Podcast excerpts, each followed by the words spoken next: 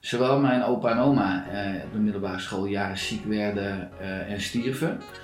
en ja, dan word je geconfronteerd met, met een soort onmacht. En toen dacht je van, ja, toen als puber, hoe fantastisch zou het zijn als ik dokter zou zijn en ik zou mijn opa en oma kunnen genezen. Hè? Ik zou ervoor kunnen zorgen dat ze minder lijden. Uh, dat ze misschien nog kunnen blijven leven, want je wilt natuurlijk heel graag mensen waar je van houdt uh, in je leven houden. Ja, toen kwam ik wel steeds meer in, ja, in conflict met mijn begeleiders, met artsen omdat ik dan in het behandelplan ook begon over andere ingangen. Moeten we niet alleen, moeten we dit ook niet gaan uitzoeken? Moeten we, uh, kunnen we dit niet met kruiden ondersteunen? Is homeopathisch niet een invalshoek? Uh, moeten we niet dit psychologisch op gaan Klopt, ja, ik, ik noem het dan als veilige de complementaire geneeskunde. Maar ik wil wel mensen altijd heel graag prikkelen uh, over normen en afwijkingen. Dus dat doe ik dan nu ook eventjes. We noemen de reguliere geneeskunde dus regulier. En we noemen de alternatieve geneeskunde alternatief. Maar als je kijkt, iedere arts legt de van Hippocrates. Uh, en die werkte met, met leefstijl, ook met zuurstof, met uh, voeding, met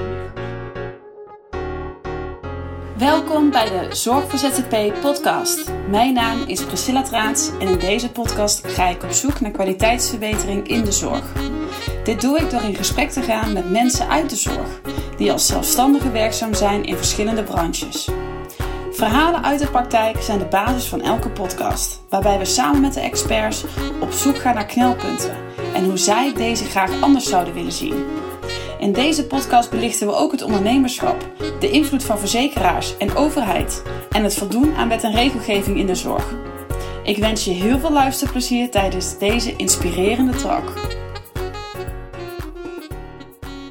Welkom bij een nieuwe podcast van Zorg voor ZZP. En we gaan op zoek naar kwaliteitsverbetering in de zorg. En dat doen we deze keer met niemand minder dan Richard de Let.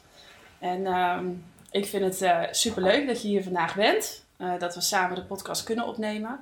Um, want um, ik heb jou voor het eerst uh, ergens op een podium zien staan bij Michael Pilagic.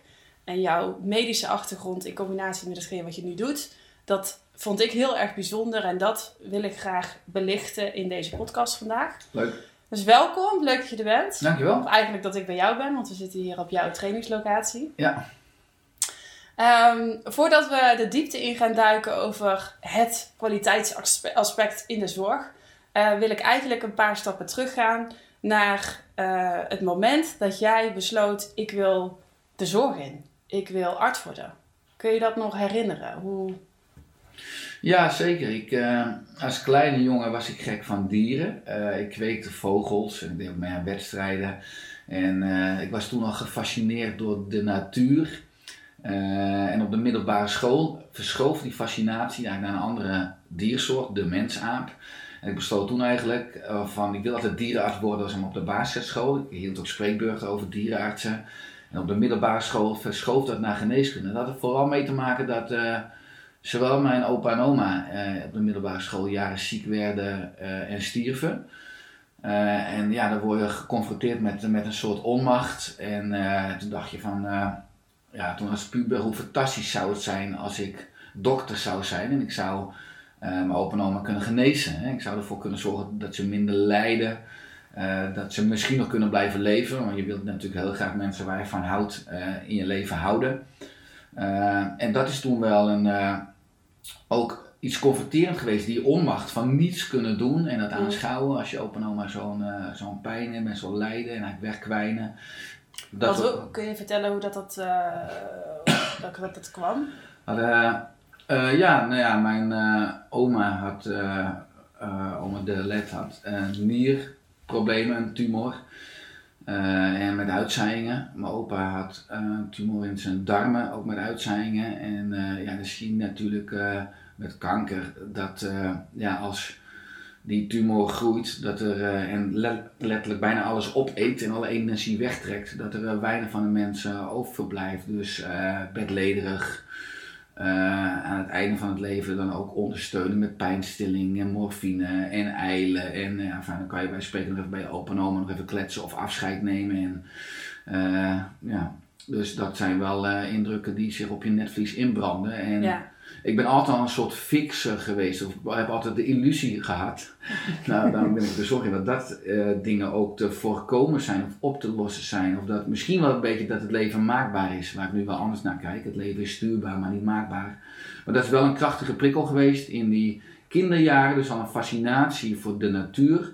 Meer willen weten van het web van het leven en van de oorsprong en hoe je dat kan beïnvloeden. En ook eigenlijk de opleiding geneeskunde, uh, ja, die heeft dan een beetje de belofte dat je mensen kan helpen genezen. Hè? Dus dat je ziekte kan voorkomen of oplossen of kan aanpakken.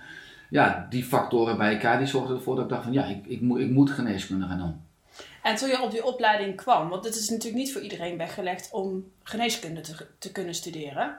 Ehm, je kwam op die opleiding was het precies wat je dacht dat het ging zijn? Want jij werd opgeleid natuurlijk om mensen te genezen. Ja. Dat is wat je leert. Nee, het was uh, compleet anders. Ten eerste, de geneeskunde, uh, geneeskundeopleiding had een loting. Dus in 2001 mhm. viel ik er buiten. Uh, toen ben ik biomedische wetenschappen gaan studeren op de VU. Dat was mijn tweede keuze. Dat vond ik helemaal niets. Dus daar ben ik mee gestopt al na vijf maanden. Dat was toen januari 2001, 2002, sorry. Uh, toen ben ik gaan uitzoeken dat er ook ieder jaar uh, eh, 30 plekken waren, een decentrale selectie voor mensen met buitengewone motivatie of, of inspiratie. Uh, en ja, toen ben ik gaan werken in een, in een verpleeghuis fulltime. Ik ben mijn EBO-diploma gaan halen en EBO geworden op festivals. En toen ben ik dus dat jaar erop weer voor geneeskunde decentraal. Dus ik had, moest een sollicitatiebrief schrijven, gesprekken voeren, psychologische testen doen. Nou, ik had dat hele jaar ingezet van ik moet gewoon bij geneeskunde komen. Dus ik ben in alle gebieden in de maatschappij vrijwilligerswerk. Dus echt laten zien dat ik, uh, nou, dat ik buitengewoon veel motivatie heb om erbij te komen. Uiteindelijk ben ik dus van de 600 mensen die dan meedoen in dat traject, ben ik op plek 17 gekomen. Dus ben ik in de geneeskundeopleiding gekomen in 2002 zonder loting. Uh, dus ik was er toen bij. Uh, ja, en dan begin je in het eerste jaar geneeskunde, wat, vast, uh, wat fascinerend is. Want ja, het sprak me wel enorm aan. In het eerste jaar ga je al de snijzaal op. Hè. Krijg je per 15 geneeskunde studenten, een mannelijk en een vrouwelijk lichaam die zich aan de wetenschap geschonken hebben. Dus mag je al het lichaam van een man en een vrouw ontleden. in het eerste jaar al? In het eerste jaar ga je op de snijzaal op. Dus die anatomie, uh, ook de blokken geneeskunde. Ja, natuurlijk wel heel erg al eilandjes, maar ik vond het fantastisch. Het tweede jaar ga je dan ook de schedel openzagen en ga je het brein eruit halen. En uh, ja, ik vond het wel magisch dat je eigenlijk ook een kijkje onder je eigen motorkap krijgt. Hè? Dat je helemaal dus hoe, hoe, je, hoe wonderbaarlijk instrumenten eigenlijk zijn. En, uh, maar ook in mijn reguliere opleiding ben ik allerlei uh, uh, ja, zeg maar, complementaire stromingen al gaan doen. Ik ben kinesiologie, spiertesten met energetische geneeskunde, fytotherapie, planten en kruiden was ik boeken over aan het lezen.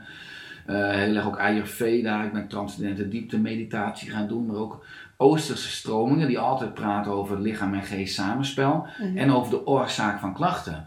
En ik kwam er wel steeds meer achter, en dat ging wel ook steeds meer wringen, dat de reguliere geneeskunde eigenlijk fantastisch is in de acute geneeskunde. Ja. Open beenbreuk, eh, blinde darmontsteking, ernstige infectie. Maar dat de, de wachtkamers vol zitten van mensen met eigenlijk uh, niet-infectieuze aandoeningen. Dus, dus ziek zijn geworden door een ongezonde leefstijl, door welvaartsziekten. En dat de reguliere geneeskunde daar eigenlijk niets aan kan doen. En dus, dus ja, dan ging het veel meer over de opleiding medicijnen. Ik wist alles over uh, pathologie, over afwijkingen, hoe je dat kan behandelen met medicijnen, hoe je dat eventueel kan wegsnijden met operaties. Uh, dus alles over de dood. Uh, ik heb ook in de terminale zorg honderden mensen mogen begeleiden aan het sterfbed.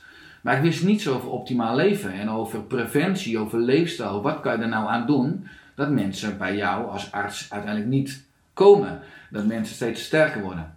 Hoe leefde dat op jouw opleiding? Uh, want dit is volgens mij iets wat niet zo past binnen de opleiding tot geneeskunde. Hoe, hoe gaan leraren om met jouw uh, zijpad naar de complementaire uh, ja, geneeswijze noem ik het maar. Ja, nou ja, kijk, in de, de reguliere geneeskundeopleiding is het heel theoretisch. Je hebt blokken. Nou, ik heb nooit een herexamen hoeven doen. Ik kan goed studeren, ik kan goed leren. Dus ik heb alles altijd behaald. Ik denk dat ik ook heel goed EQ heb, goed met mensen kan omgaan. Dus ook werkgroepen, presentaties, allemaal prima. Mijn doctoraal haal ik op 27 maart 2007. En dan ga je natuurlijk ook de medische systeem in, stages lopen op alle afdelingen.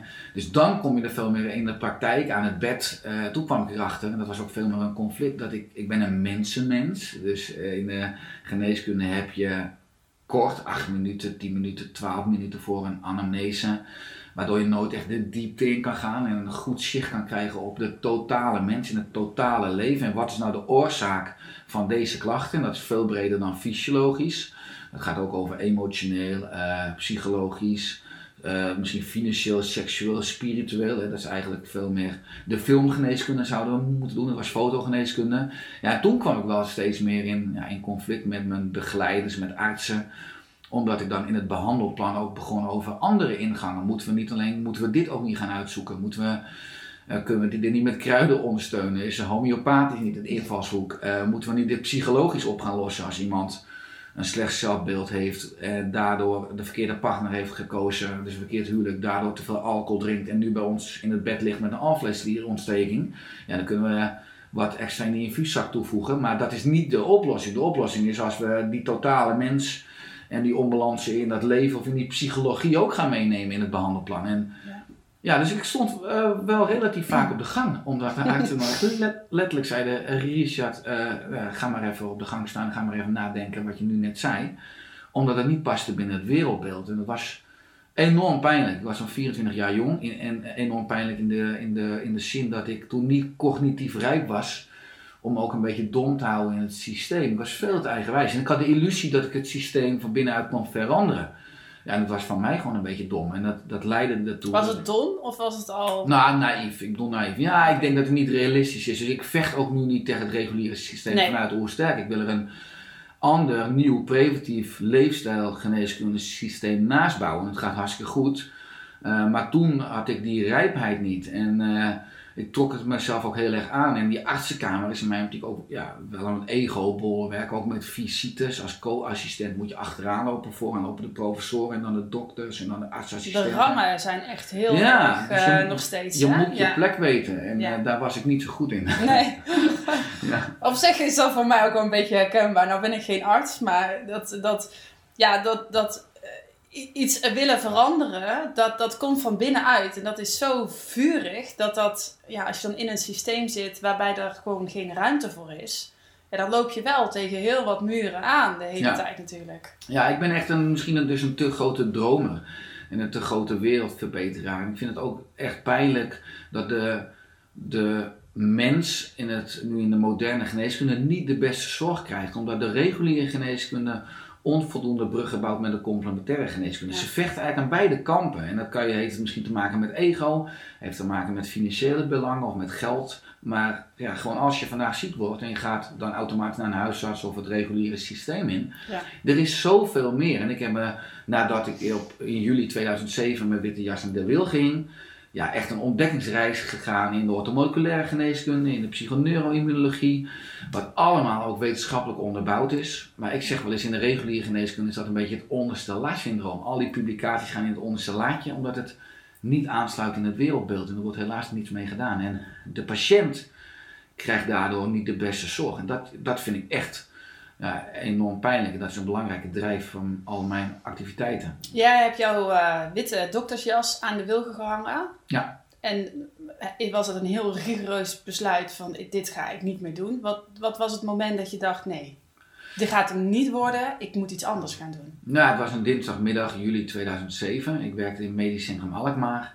En het was ja een spreekwoordelijke laatste druppel. Uh, gewoon op een middag dat ik uh, een dinsdagmiddag en ik moest nog uh, een hele week en ik was al doodop en ik, ik zat daar in de artsenkamer en half week in mijn hoofd van ja, is dit het nou? Hè? Is dit de droom die ik had gehad?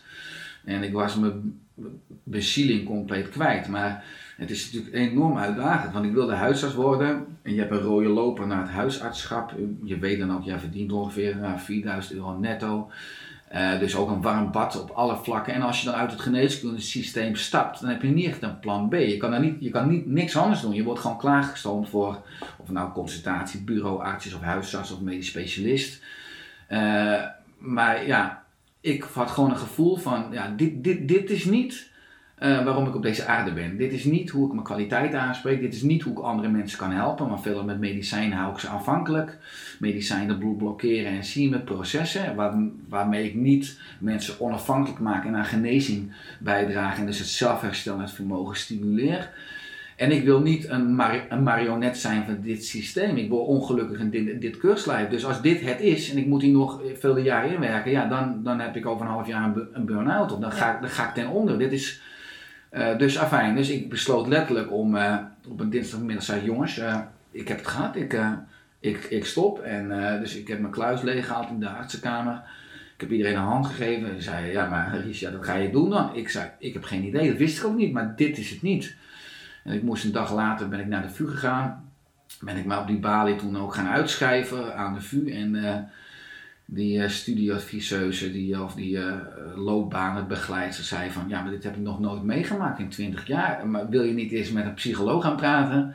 Nou, toen maakte ik een. Ik zeg, ja, die kan zat diagnoses op me plakken. Maar ja, ik weet niet of dat behandelbaar is. Maar ik, ja, mijn keuze is zeker, dit is mijn pad niet. Ik ga een ander pad. En ja, toen ben ik in die week erop me als ZZP'er trouwens ook leuk gaan inschrijven bij allerlei thuiszorginstellingen. Ik heb vier jaar gewerkt in de allerlei thuiszorginstellingen, verpleeghuizen en verzorgingstehuizen. Ik heb ook in 2008 mijn praktijk voor integrale geneeskunde geopend. Met allerlei opleidingen gaan doen. Ja, die praktijk liep voor geen meter. Uh, ik werd in 2010 vader van uh, Noah, die inmiddels 10 jaar is. Ik wilde ook financieel het gezin kunnen dragen, wat echt niet ging. We, we woonden op een flat acht hoog dankzij huurtoeslag en zorgtoeslag. En... Het is natuurlijk ook best wel een, uh, financieel gezien, ben je best wel in, in het diepe gesprongen. Want je was natuurlijk uh, op weg arts. Ja. En toen ging je werken in de thuiszorg. Ja. Dat zijn natuurlijk andere 17 euro uh, bruto per uur, ja, waar je alles nog van moet doen. Nee, klopt. Ik heb een, ja, dus ja, een enorme stap achteruit gegaan, of, of misschien wel vier stappen, uh, maar uiteindelijk wel veel meer de weg van mijn hart, waar ik al veel meer voldoening in ervaarde. Maar uiteindelijk had ik een droom van ik ga een praktijk voor integrale geneeskunde, dus eigenlijk uh, opbouwen en daarmee kan ik de thuiszorgactiviteiten als ZZP'er kan ik afbouwen. Maar ik was mijn tijd ver vooruit. Als we kijken nu naar 2008, 9 en 10, was men nog veel minder bezig met, met leefstijl, met preventie, met voeding, met biologisch. Ik schreef brieven naar huisartsen. Ik kreeg nooit een brief terug, want die namen me ook niet serieus. Dus in 2011 kwam ik in een, uh, in een crisis. De huisarts zei een burn-out, maar ik noem het zelf een spirituele crisis, omdat ik er in twee, drie maanden wel uit was. Maar mhm. ik was enorm bang om mijn eigen stem te laten horen. Ik was als kind zijn al geprogrammeerd dat ik een soort zintuig ontwikkeld had, ook als ik in de ruimte kwam, dat ik me heel flexibel kon aanpassen dat ik nooit echt mijn eigen mening liet horen. Een chameleon. ja, chameleon. Ja. Dat ik het belangrijk vond dat erkenning, dat iedereen me aardig vond. Ja.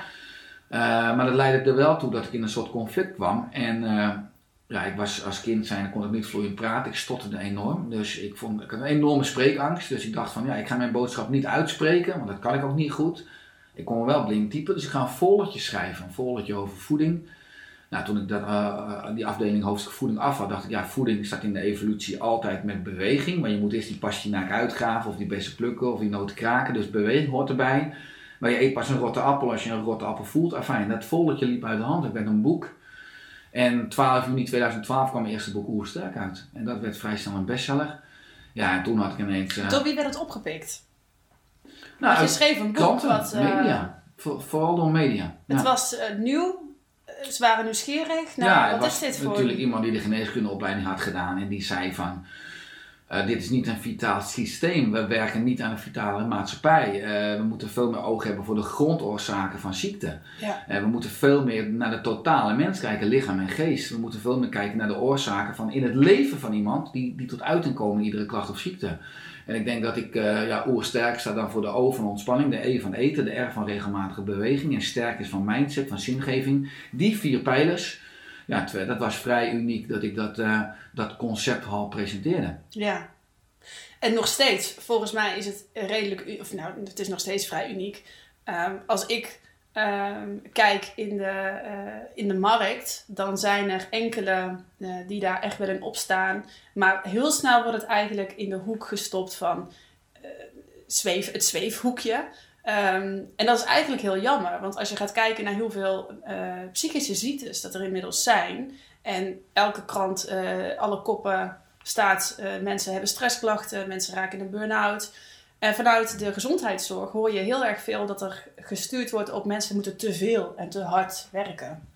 En ik hoorde jou net ook al zeggen, ehm, dat is niet de oorzaak dat mensen uh, een burn-out krijgen. Die burn-out die krijg je omdat je hem nodig hebt. Of omdat je structureel iets aan het doen bent. Wat eigenlijk tegen alles wat je, waar je voor staat indruist. Klopt.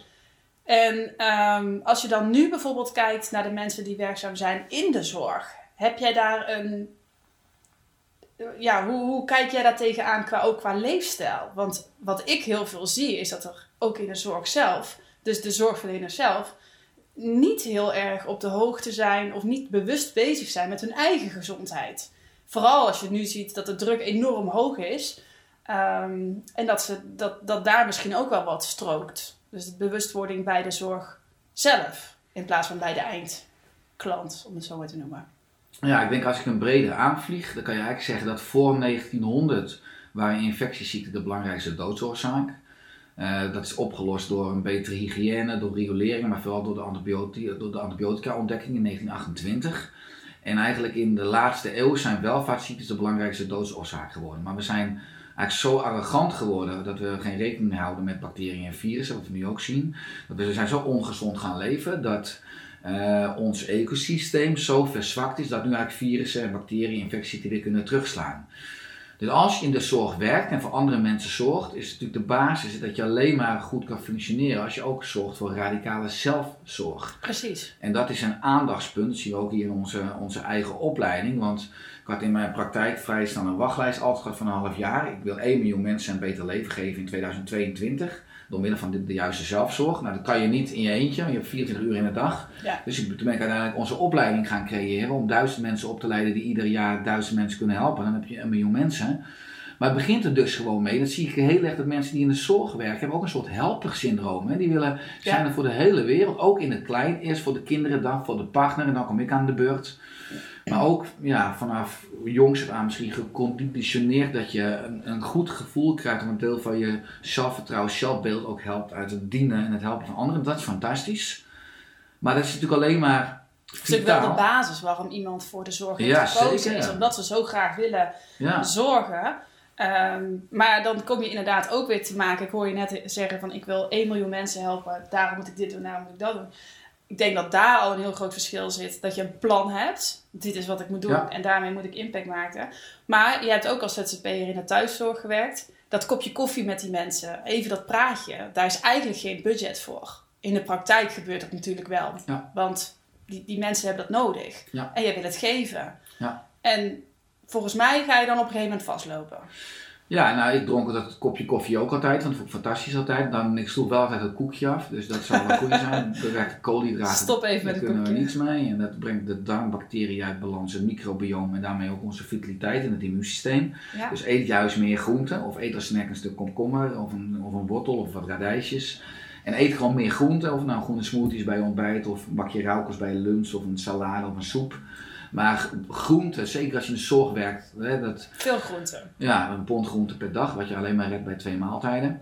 Uh, maar tuurlijk is het zo dat, uh, ook als je kijkt, in, ook in de thuiszorg, er is steeds minder tijd. Hè, zeker bijvoorbeeld bij steunkous of insuline prikken, dan heb je 10 minuten. Uh, of 20 minuten of een half uurtje, ook soms als je mensen moet douchen en aankleden. Ja, het is, het is rennen, hollen, hollen. En, ja.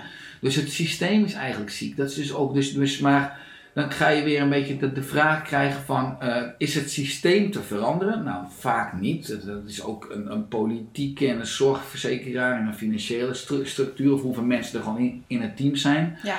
Maar da daardoor is het nog eens extra belangrijk dat je gewoon zorgt voor je eigen zelfzorg, zodat je niet alleen maar overleeft in het systeem, maar ook blijft floreren. Dat je geniet, dat je kan blijven lachen dat je je rijk voelt met dat je andere mensen kan dienen, met de onderontjes, dat je ook kracht had uit het persoonlijk contact en dat je weer wat moois betekend hebt in het leven. Alleen dat betekent ook wel dat je dus gedurende een dag parasympathisch kan blijven functioneren. Dus dat deel van het zenuwstelsel wat zorgt voor verwondering, voor opbouw, voor genezing. En als je met die chronische stress continu in die sympathicus zit en loopt te klagen en loopt te zweten en loopt te puffen en loopt te rennen en loopt te hollen, ja dan vind je je werk niet meer per se leuk, dan wordt alles moeten. Uh, nou ik zeg, dan ga je steeds meer klagen. En klagen is eigenlijk ook een teken van dat je niet in staat bent om de juiste beslissing te nemen. Want als je de juiste beslissing zou nemen, dus je hoeft nooit over iemand te klagen. Ga naar iemand toe en ga het oplossen. Als het niet oplosbaar is, accepteer het dan. Maar kijk altijd naar constructieve aanknopingspunten. En wat ik gewoon ervaar, als je zorgt voor voldoende ontspanning buiten je werk, of nou is het ding waar je energie van krijgt, voldoende slaap, voldoende beweging ook zeker. Dus zit niet te veel stil. Hè. Dat is wel een instinct. We hebben een instinct voor voluit zijn. Zorg voor vitale voeding, wat ik noemde. Veel groente, weinig suiker.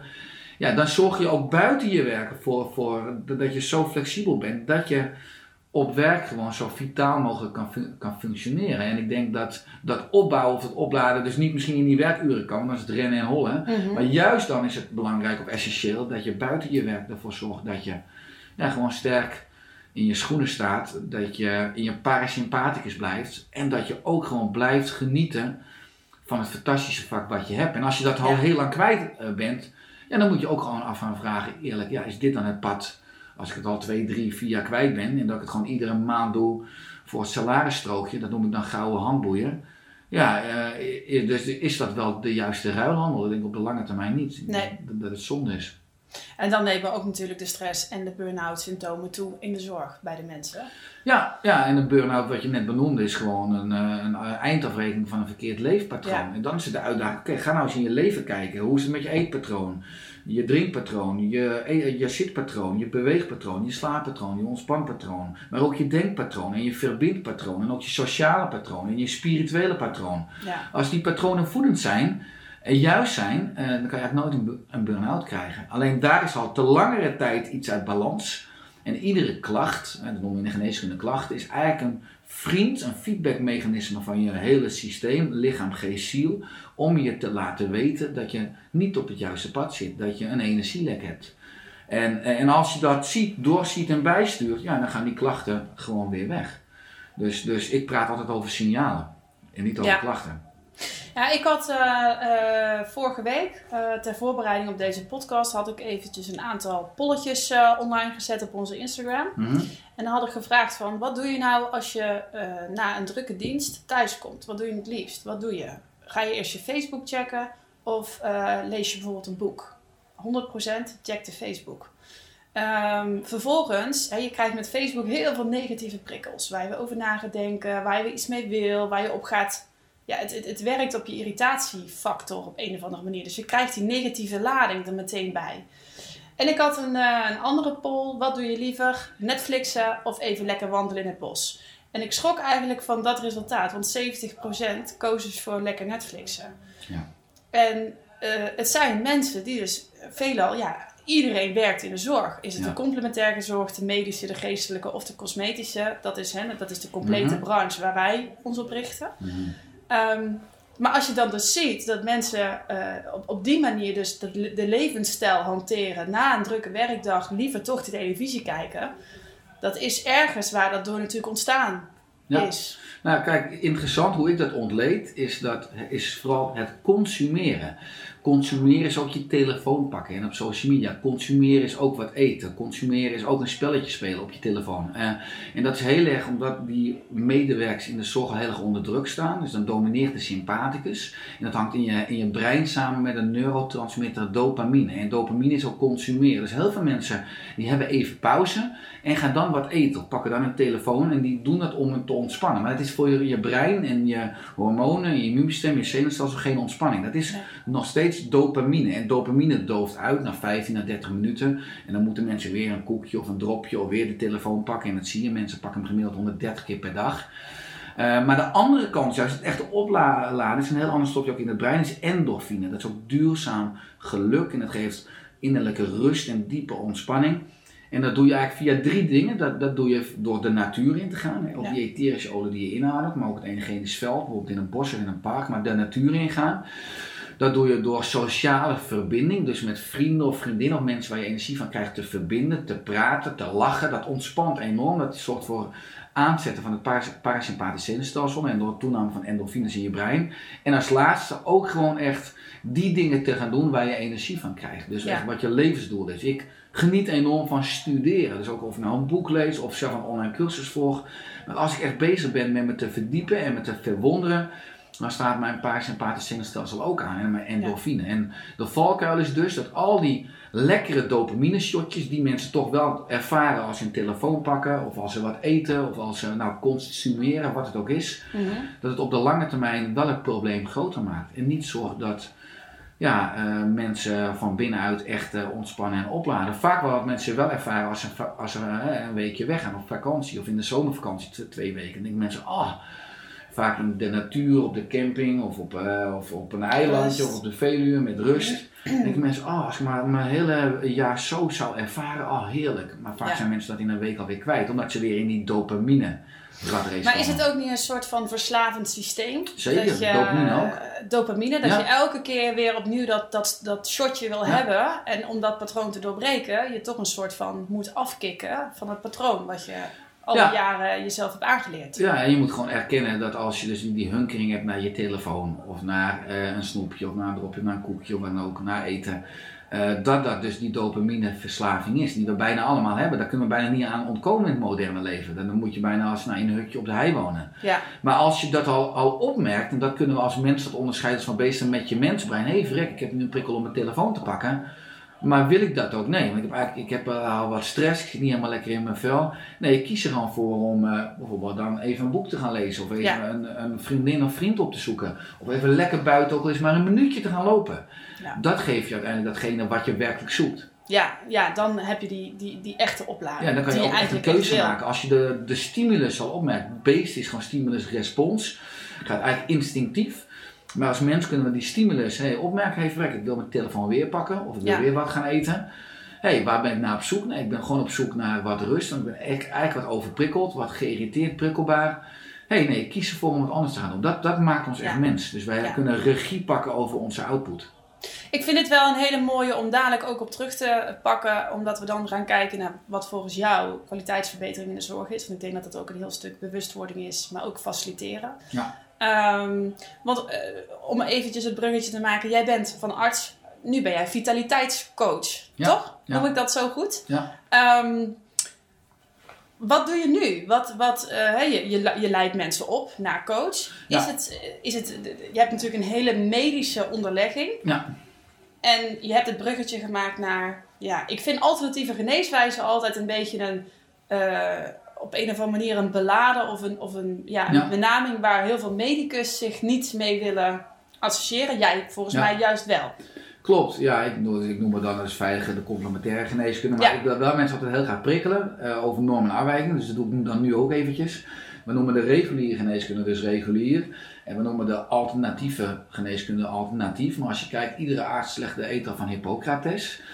Eh, en die werkte met, met leefstijl, ook met zuurstof, met eh, voeding, met lichaamssappen. Ik denk dat eh, Hippocrates zich in zijn graf zou omdraaien als hij zou zien hoe wij nu vanuit zijn naam geneeskunde bedrijven. De reguliere geneeskunde is vooral ja, chemische, farmaceutische, dus me- medicatie, waarmee we enzymen, processen blokkeren en remmen.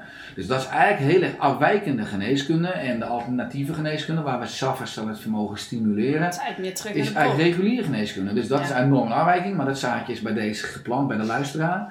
Eh, maar ja, wat ik heb gedaan al jaren, is dat ik me ben gaan specialiseren in de preventieve leefstijlgeneeskunde. Dus twee kernwoorden, preventie en leefstijl. En er is zoveel wetenschappelijk onderzoek, ook echt gespecialiseerd in de psychoneuroimmunologie. En dat mag alleen maar, daar, daarin is het ook wetenschappelijk onderbouwd, dus met publicaties. Mhm. En er is dus zo braakliggend terrein waar we in de reguliere geneeskunde helaas geen gebruik van maken. En zowel als je op het niveau lichaam, body, als eh, geest, mind, en ook vooral de interactie body-mind, ja, dat ben ik echt eh, in onze eigen opleiding gaan eh, samenvoegen. En eigenlijk in de, de nieuwe gezondheidsprofessionals, dus leiders in het gezondheidslandschap. En dan vooral een leider met een korte ei. We hebben nu heel veel leiders met een lange ei. En eh, Mhm. die uh, Oerster coachopleiding. Nou, enorm animo. We hebben zelf huisartsen, we hebben diëtisten, fysiotherapeuten, osteopaten, leefstijltrainers en coaches. Eh, maar die eh, eigenlijk, ja, durf ik wel te zeggen, dat, dat we een uniek pakket hebben gemaakt. Ehm, omdat bij alle westerse chronische welvaartsziektes zijn allerlei domino-steentjes die omgevallen zijn. Als je kijkt naar insulineresistentie, als je kijkt naar een lekkende darm, als je kijkt naar endorfineresistentie, waardoor mensen dus niet het duurzame geluk kunnen ervaren. Als je kijkt naar onbalans in het immuunsysteem, in het zenuwstelsel, in de darmgezondheid. En al die vlakken, daar heb ik niets nul uur over geleerd in mijn geneeskundeopleiding. Ik heb misschien drie uur gehad over voeding. En dan vooral gekoppeld aan celiakie en gluten. Maar that's all. En ik ken natuurlijk ook met onze eigen Oerstek podcast, spreek alle professoren, leeselartsen zijn allemaal te gast in onze podcast. Ja, nog steeds is het een enorm gebrek in de, in de reguliere opleiding. En dan denk ik ook in de reguliere andere opleidingen, fysiotherapie, osteopathie, uh, diëtiek. Uh, maar ook als je verzorgende bent, of als je kijkt gewoon naar... Als je nu vandaag in een ziekenhuiszaal ligt en de voedingskar komt binnen en zegt: Hallo, goedemorgen, uh, meneer, mevrouw, wat wilt u eten of drinken? Het is brood, het is pasta, het is aardappelen. Witte boterhammen. Witte boterhammen, het is jam, het is, het is margarine. Het zijn uh, vruchtensap, het is frisdrank, het is olie op het vuur van de welvaartsziektes. Dus we zorgen ervoor dat die, dat die patiënten alleen maar langer in bed blijven liggen. Wat, en ziekte is een fantastische economie. En nu schop ik misschien in een paar zinnen tegen heel veel schenen aan. Mhm. Maar het sluit totaal niet aan hoe we als mens in de evolutie ontwikkeld zijn. Volgens onze handleiding, volgens ons DNA, ons genetische materiaal. En ja, ik kon blijven schoppen of gefrustreerd blijven raken en, en roepende zijn in de woestijn. Maar ik dacht, laat ik dan mijn eigen systeem gaan bouwen. Dat, dat doen we nu met onze opleiding. We studeren dit jaar ongeveer de Oerstek Coach nummer 300 af, dus van de 1000. En ja, dat is een enorme revolutie die nu gaande is. En eh, daar ervaar ik dus heel veel kracht en heel veel grip en controle. En ik ben dus nog steeds brug aan het bouwen. Ik wil, wil nog steeds werken met positiviteit. De revolutie is in volle gang, maar er is toch een paradigmaverschuiving voor nodig. En dat duurt vaak, vaak toch gewoon 15 jaar. Dan moet een generatie uitsterven. En een nieuwe generatie opgroeien. En ik denk ook dat het afgelopen jaar heel veel mensen veel bewuster zijn geworden uh, door, aan de ene kant hebben we natuurlijk de geluiden vanuit onze overheid, maar heel veel mensen zijn vragen gaan stellen. Ja. Uh, mensen zoals jij zijn video's gaan maken, uh, virologen hoor je spreken, je hoort ook heel veel artsen die toch een tegengeluid geven en ehm, toch meer informatie gaan geven over een gezond leven. In plaats van alleen maar over het, het repareren van iets wat niet kapot is. Um, wat ik zelf heel vaak merk, als ik, uh, nou lezingen geven we nu niet, maar uh, vorig jaar gaven we wel lezingen, dat bij ons in de zaal altijd mensen zaten vanuit de medische uh, ja, opleiding, dus de fysiotherapeuten, huisartsen, die er een complementaire opleiding naast zijn gaan doen. Dus de, ik had op een gegeven moment een huisarts die ook magnetiseur was. En die, die zagen die verbinding veel meer. En dat voelde voor mij dat ik dacht, ja, dit is eigenlijk waar ik voor met Zorg voor ZZP um, heel erg op wil sturen. Want mm. het is niet alleen maar medisch, hè, maar dat is echt vanuit mijn uh, kijk op die wereld. Maar je kunt niet de hele medische gezondheidszorg op zijn kop gooien. Maar jij um, bent dat in principe met Oersterk vanuit uh, de inhoud aan het doen om mensen echt op te leiden tot coach. Dat je hè, mensen kunt begeleiden naar een gezonder leven. Ja. Um, hoe werkt dat in de praktijk als je bijvoorbeeld huisarts bent? Mag je dat dan ook wettelijk gezien naast gaan doen? Hoe zit dat in elkaar? Want ik hoor ook wel eens dat bijvoorbeeld huisartsen bepaalde alternatieve geneeswijzen niet mogen aanbevelen. Klopt. Ja, dat, dat blijkt een spanningsveld. En ik denk dat als je kijkt naar de huidige zorgkosten, 100 miljard euro. We besteden slechts een half procent aan primaire preventie. Dus we zijn al met z'n allen aan het dweilen. En Bart stroomt over, maar niemand vraagt zich af waar zit de kraan. Dus er zijn steeds zeker ook veel meer uh, reguliere artsen nodig. Die, en ik had laatst een huisarts die ik sprak, Lineke van der Gient. En die zei van ja, ik ben huisarts. Maar als mijn therapie, mijn advies zou werken, dan zouden mijn wachtkamers steeds leger worden. Maar mijn wachtkamers worden steeds voller. Dus blijkbaar doe ik iets niet goed. Nou, die is dus ook gaan verdiepen in de automoleculaire geneeskunde en in de leefstijlgeneeskunde. En waarmee ze ook veel meer plezier ervaren, omdat ze nu ook veel meer grip heeft dat patiënten echt beter worden. Maar terugkomend op je vraag, dat blijft een spanningsveld. Want enerzijds kan je heel veel alternatieve of complementaire geneeswijzen niet per se wat vergoed wordt door een zorgverzekeraar. Nou, huisartsen of reguliere artsen hebben ook natuurlijk maar 8 minuten of 10 minuten. Het kost altijd meer tijd als je mensen wil begeleiden bij leefstijl en gedragsverandering. Mhm. Of gedragsbehoud, dat is denk ik de heilige graal. Uh, maar je ziet nu wel een beetje een transitie dat steeds meer gezondheidswerkers ook wel gaan vragen om een, aanpak, een andere aanpak. En dus ook zelf op zoek gaan in andere stromingen. Omdat ze ervaren dat een huidige aanpak tekort uh, schiet. Dat het niet tot werkelijke heling leidt. Uh, maar daarmee moet dus het hele systeem, politiek, zorgverzekeraars, geneeskunde, al die schakeltjes. En ik zie dat ook wel echt gebeuren. Ik geloof echt dat we het met z'n allen die revolutie, eh, dat we daar moeten bijdragen. En die is al in volle gang. Ja. Meer van onderaf dan van bovenaf. Ja. Eh, maar als die vanuit onderaf steeds sterker wordt, Als dan steeds meer bovenkant vragen, eh, ja. ja. Ja. Is dat ook jouw kijk op de toekomst naar de zorg? Want in deze podcast staat natuurlijk kwaliteitsverbetering in de zorg centraal. En ehm, als we gaan kijken, natuurlijk is het een heel lastig, inderdaad wat je zegt, een spanningsveld. De zorgverzekeraars die blijven natuurlijk sturen op bezuinigingen. De pakketten worden steeds anders samengesteld. Alternatieve geneeswijzen worden er steeds verder uitgefilterd. Terwijl, ehm, ik geef een voorbeeld noemen. Eh, want dan zou ik eh, vragen of jij ook iets over de kinesiologie, eh, de kinesiologie wil vertellen. Mhm. Want dat is ook wat onderdeel is van jouw ehm, eh, opleiding. Ja. Ehm, mijn zoontje heeft twee maanden na de geboorte heeft hij eczeem gekregen. Echt van top tot teen zat hij onder de eczeem. En ehm, de eerste stap was dat hij hormoonzalf kreeg. En ik moest hem daarmee insmeren. En zodra ik daarmee stopte, dan kwam de eczeem weer terug. En dit verhaal vertel ik ook altijd tijdens de lezingen. En ehm, op een gegeven moment, ehm, toen dacht ik bij mezelf, het kan toch niet zo zijn dat mijn kind de komende 4, 8, 10 jaar de hele dag jeuk heeft. En moe is en prikkelbaar is, omdat hij eczeem heeft. Er is iets waardoor hij dat heeft.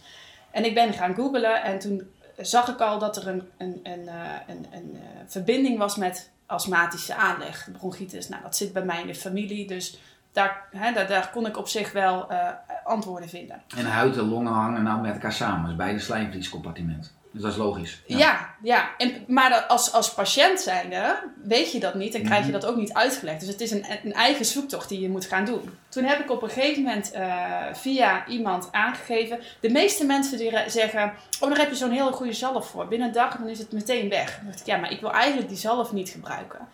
Eh, ik wil iets anders. Ik wil een echte oplossing. Ik wist alleen niet waar ik hem moest zoeken. Op een gegeven moment eh, toen zei mijn buurvrouw: Ik heb een neefje en die is lactose-intolerant. En die heeft vijf behandelingen gehad bij een kinesioloog. En die is er van af. Misschien moet je dat eens proberen. Nou, ik ben met mijn zoontje daar naartoe gegaan. Nou, bleek dat hij gevoeligheden had ehm, eh, met, om zijn afvalstoffen kwijt te raken. Dus intern ehm, was daar gewoon een moeilijkheid.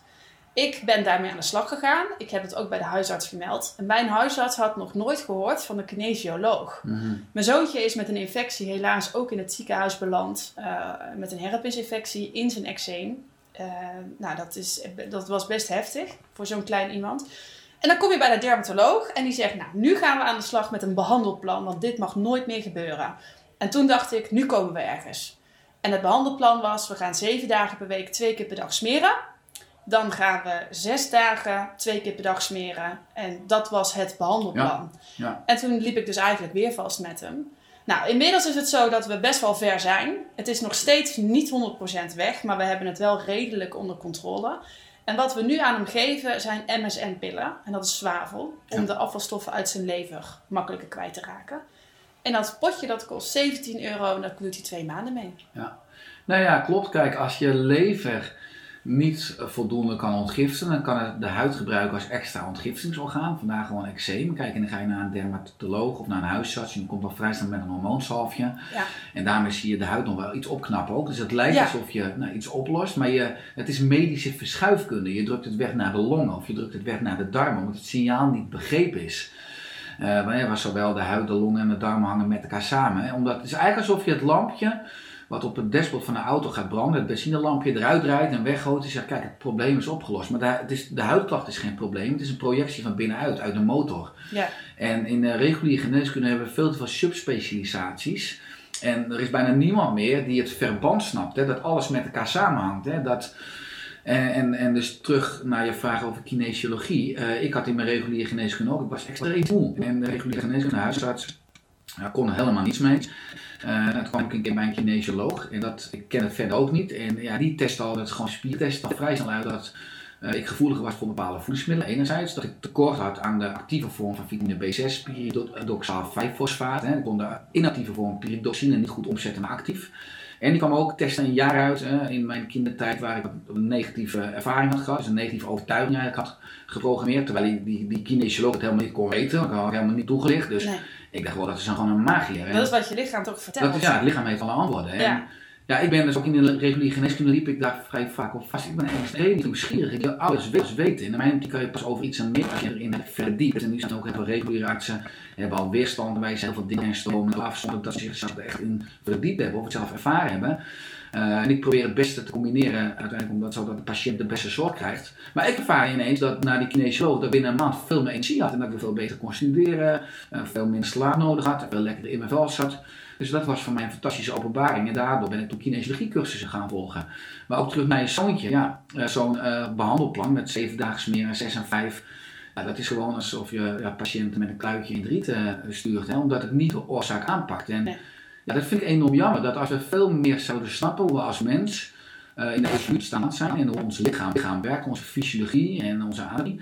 En ook dus met natuurlijke uh, systemen. Dus ook als je kijkt naar de darmen, hè, alle opname van de darm lek is, gaat via de voortadem naar de lever. Als de lever veel gifstoffen krijgt, gaat die de huid of de slijmvlies ook in je hol, tussen je neus als, als ontgiftiging gaan gebruiken. Dus dan heb je eczeem, dan ben je gewoon iets verkouden. Uh, ja, dat moet je dus niet in, in de holte of op de huid gaan aanpakken. Dan moet je dus gaan kijken naar die darmen of die lever. Dat zijn centrale sleutelsystemen. En ja, ik verbaas me nog steeds enorm dat die kennis ook niet in de reguliere opleiding uh, aangeboden wordt. Als we dan nog een stukje verder terug gaan in de geneeskundeopleiding, naar de Chinese dokter, ja, die werd betaald dat de keizer gezond was. Je kreeg alleen maar betaald als mensen gezond waren. En als de keizer of mensen uit zijn praktijk ziek werden, dan kreeg je niet betaald. Want eigenlijk is de primaire taak van, de, van artsen, zeker als we een paar eeuwen teruggaan, was om mensen gezond te houden. Ja. En nu zijn artsen alleen maar bezig in ziekenhuizen en in de medische systemen om nou, zieke mensen te behandelen. En komen ze helemaal niet meer toe om ervoor te zorgen dat mensen in de maatschappij uiteindelijk niet in een spreekkamer komen. Dus we moeten het hele systeem moeten om gaan draaien. En zou zeker als je nu luistert denken, ja, dat is niet realistisch. Nee, dat is het helaas ook niet, omdat we 10 miljoen mensen hebben die chronisch ziek zijn. En we hebben 8,2 miljoen mensen die te dik zijn. En we gaan ten onder aan ons eigen succes. in het zorgsysteem is ook ja, uh, ja, ten, ten, ten, dele ziek of uit balans door die enorme belasting. Maar ik denk dat de geneeskunde en de zorg ook niet verantwoordelijk is om de schade van onnatuurlijk leven te herstellen. Dus, dus de, iedereen in de moderne maatschappij leeft onnatuurlijk. Eet verkeerd, die bewerkte koolhydraten, veel te veel en te vaak op een dag. Zit veel, veel uur op een dag, zo'n 8 uur à 10 uur gemiddeld. Heeft chronische stress, slaapt te weinig, heeft te weinig zingeving. En die komt dan in de reguliere geneeskunde met klachten. Terwijl dat systeem helemaal niet ontworpen is en opgeleid is om op die oorzaak aan te sluiten en dat te herstellen. En dan komen vooral medicijnen waarmee we mensen afhankelijk houden. En mensen chronisch ziek, hè, die moeten hun hele leven blijven slikken. Dus het is eigenlijk een gebrek, een kloof aan een systeem ertussen. Wat aansluit bij de oorzaak, wat ook veel meer werkt met preventie en leefstijl. Nou, dat is wat ik met Oersterk wil invullen. En natuurlijk, ja, veel te groot. Daarom zeg ik 1 miljoen, dat is natuurlijk wel uh, belachelijk groot. En ik heb niet de illusie dat ik iedereen kan redden in Nederland. En bepaalde artsen en chirurgen die ik laatst sprak, spreken over de lost generation. Nou, heel veel mensen hebben misschien niet meer te redden. En die, en die moeten al eerst overlijden of uitsterven. En moeten nu die kinderen en jongeren opgroeien. Maar we zitten nu dus wel in een enorme fertiliteitscrisis. Zowel in de mensen zelf, in, in de individuen, maar ook in het geneeskundesysteem. En uh, ja, dat is niet één voor drie oplosbaar, maar ik denk het agenderen, het bewustzijn en met z'n allen uh, dus een kentering en met kleine stapjes in werking zetten, ja, dat is wel wat we nu meer dan ook nodig hebben. En als je uh, gaat kijken, want ik denk dat we als je vanuit jouw perspectief gaat kijken naar het hele systeem, en je hebt het natuurlijk al een beetje aangegeven, wat zou de ultieme kwaliteitsverbetering zijn die we op een realistische manier zouden kunnen aanpassen. Want is dat, aan de ene kant is natuurlijk ook dat we gelukkig heel veel mensen hebben die het lampje klikken voor mensen, dus een stukje bewustwording. En dat is echt helemaal uh, ja, de maatschappij zelf. Um, maar daar heb je natuurlijk ook heel erg te maken met wat zijn de signalen die de verzekeraar vertellen, wat de media meegeeft, um, hoe mensen in beweging komen. Want aan de ene kant willen we natuurlijk dat mensen steeds minder die telefoon gaan gebruiken. En aan de andere kant is natuurlijk social media een prachtig medium om mensen te vertellen dat ze social media niet nodig hebben. Ja. Dus we zitten natuurlijk in een heel groot veranderproces. En ik denk dat, dat alle mensen daar wel in zitten, dat iedereen vragen stelt. En um, dat we uiteindelijk allemaal wel natuurlijk gezonder willen leven. Maar dat we in een soort van ja, slip terecht zijn gekomen en nu toch ergens wel verandering ja. moeten gaan zien. Wat mij bijvoorbeeld heel erg verbaasde, en ik zeg wel altijd, de, het, het allermooiste zou zijn als zorg maatwerk kon worden. En ik denk dat iedereen het daar wel mee eens is dat je daar nog geen systeem voor klaar hebt. Dat is natuurlijk hartstikke logisch, want daar is het hele systeem niet op gebouwd. Maar wat je zelf in het begin van de podcast al vertelde, dat je echt gaat kijken naar de persoon. Van je, hebt, je ligt hier met een alvleesklierenontsteking, maar je eigenlijke probleem ligt natuurlijk vijf stappen daarvoor. En mhm. misschien moeten we daar ook eens naar gaan kijken. En dat je dan dus preventiever mensen echt naar een oplossing gaat brengen. maar gaat bijvoorbeeld ook de zorgkosten dan verlagen? Want daar zit volgens mij ook een heel groot issue. Gaat onze zorg onbetaalbaar worden? Ja, dat denk ik zeker. De zorgkosten zullen verdubbelen tot 2040, zijn dan 174 miljard euro. Nou, we zien nu in 2021 dat de basiszorgverzekering met 6 euro tot 9 euro per maand omhoog gaat. Nou, in 2040 zullen, zal de basiszorgverzekering dan 400 euro per maand zijn als de zorgkosten verdubbelen. En, nou, ik had laatst een gesprek met professor Hanne Peil hierover, dus dat is enorm zorgelijk. Maar vanuit de politiek zouden we heel veel kunnen doen maatschappelijk door bijvoorbeeld een, eh, een suikertax, hè, wat de Wereldgezondheidsorganisatie al jaren roept wat 43 landen in de, in de wereld hebben. De 20% verhoging uh, leidt tot 20% minder inname van suikerrijke producten. We zouden BTW op groente en fruit moeten vrijstellen. Er gaan veel meer, meer mensen groente en fruit eten, van de lagere sociale klasse waar ja. gezondheidsproblemen zitten. Ja. Uh, en ik denk ook in de geneeskunde. Het is financieel aspect. Ja, gezond eten, eten is, ja. is duurder. Dan. patat is open, dan goed veel salade. Ja.